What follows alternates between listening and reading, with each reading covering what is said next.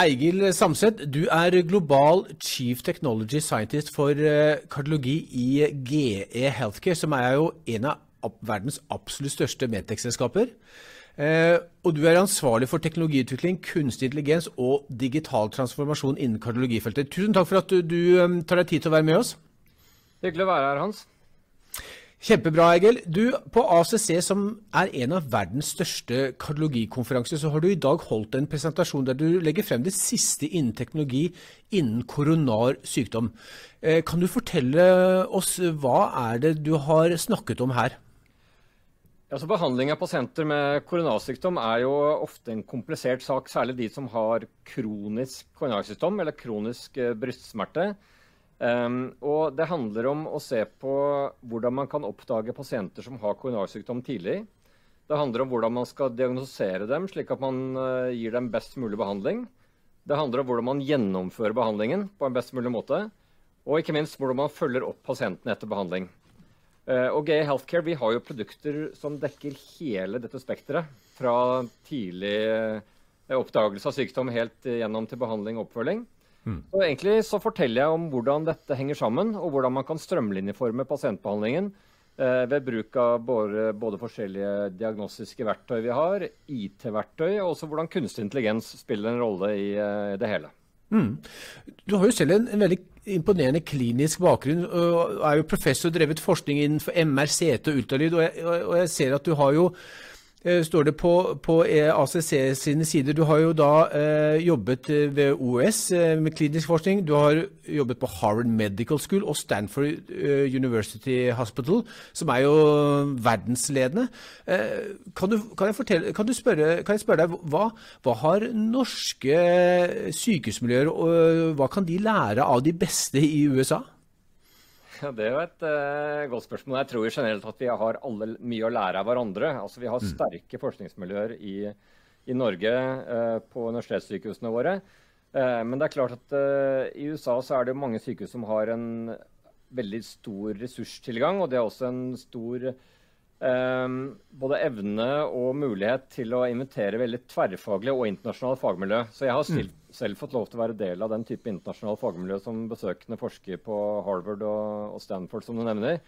Mm. Og der har jeg jo møtt forskere fra hele verden eh, som har jobbet sammen eh, tverrfaglig.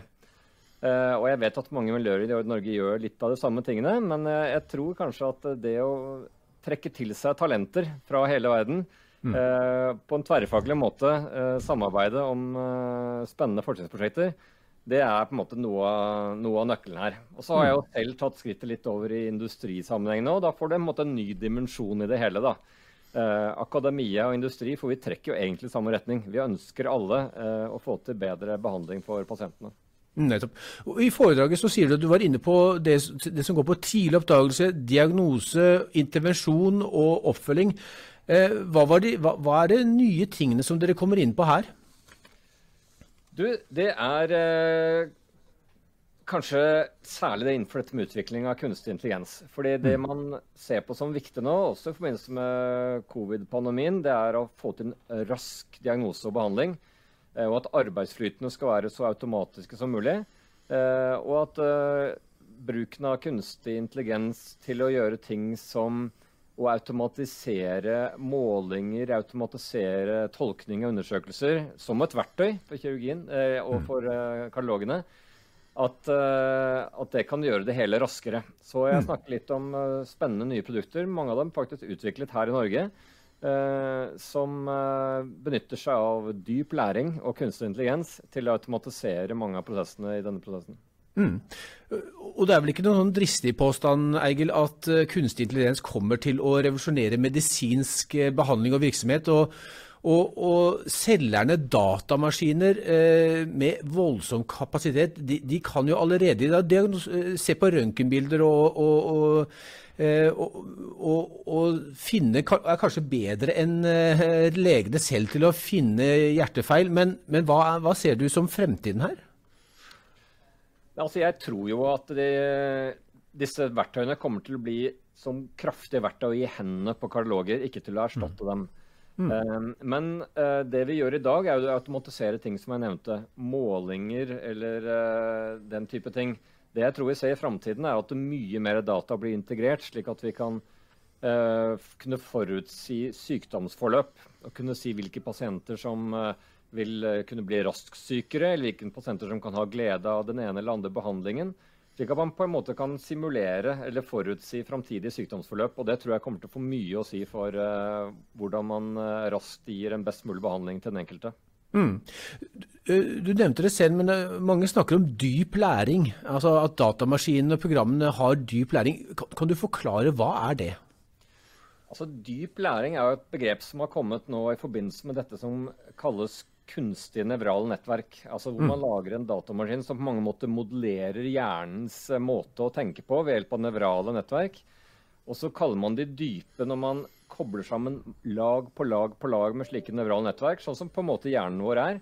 Um, og så lærer man opp disse nettverkene til å kunne gjenkjenne strukturer eller automatisere tolkninger ved å presentere dem for enorme mengder data. Og det er jo egentlig sånn vi lærer. Som, som barn så lærer vi forskjellen på forskjellige dyr eller ting rundt oss ved at vi ser tusenvis av eksempler og hører foreldre og andre fortelle oss hva det heter og hva det er. Mm. Sånn er det man lærer opp datamaskinene også.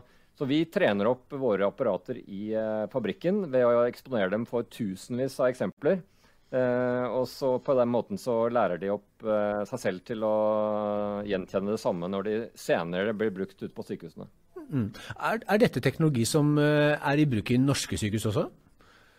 Ja, altså det er uh, ultralydapparatet for hjerteundersøkelser, utviklet av GE, har, uh, er blitt trent opp til å gjøre en god del ting ved hjelp av den teknologien. Og, og, disse begynner nå å komme ut på sykehusene i Norge. Så dette er tilgjengelig. Og utviklingen kommer bare til å fortsette. Mm. Kjempespennende. Vi, vi, ser jo at, som du, du er inne på, at, at sykehusene blir langt, stadig mer og mer avanserte i både diagnostisering og behandling. Men, men, mye av teknologien er jo også veldig anvendelig ute hos, på lavere nivåer i helsevesenet. Eh, fastleger, for ikke å snakke om hos pasientene selv. Hva er dine prognoser, for å stille, bruke det ordet, eh, på fremtiden her? Ja, det er et spennende spørsmål. Hans, og jeg tror mye at det har blitt akselerert nå gjennom eh, covid-19-pandemien, hvor man ønsker å koble sykehus og hjem tettere sammen. Utvikle f.eks. Eh, eh, diagnostiske fasiliteter som ligger kanskje ikke så mye i sentralsykehusene, men nærmere mm. pasientene, nærmere fastlegene osv.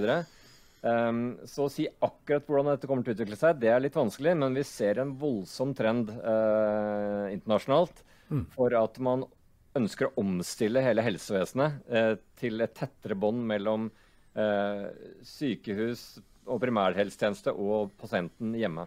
Mm, mm.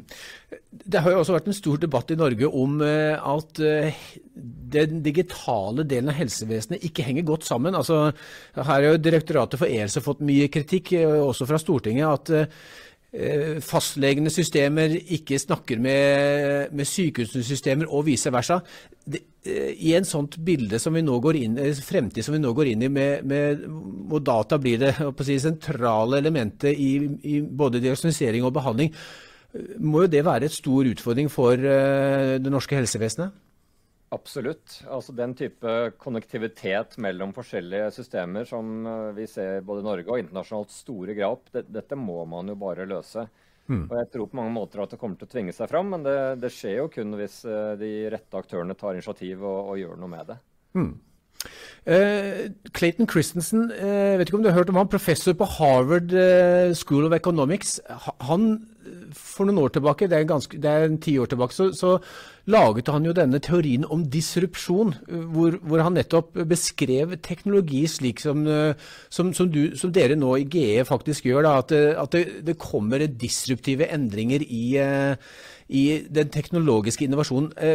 Er vi nå på, tror du Eigil, på et, et, et felt, eller et, en fase nå hvor hvor ting kommer til å endre seg dramatisk mye raskere enn det vi har sett tidligere? Ja, altså, det er veldig, Disrupsjon er jo litt sånn generelt, man kan jo ikke akkurat forutsi det. Eh, mm. Men jeg tror sånne ting som er gjennomlevd nå i året som er gått, med en pandemi f.eks., kan være en sånn ekstern akselerator for, eh, for disrupsjon. Eh, og så er det jo ofte slik at disrupsjon kommer fra litt sånn mindre oppstartsbedrifter som kommer med en ny teknologi fra siden som ingen hadde tenkt på. Eh, samtidig så tror jeg at de store selskapene, og jeg er jo på en måte en del av et sånt selskap, da, også bruker mye mer eh, nye måter å tenke på. Jeg ser på meg selv på mange måter som en eh, intraprenør, altså en eh, entreprenør innenfor et stort selskap. Mm.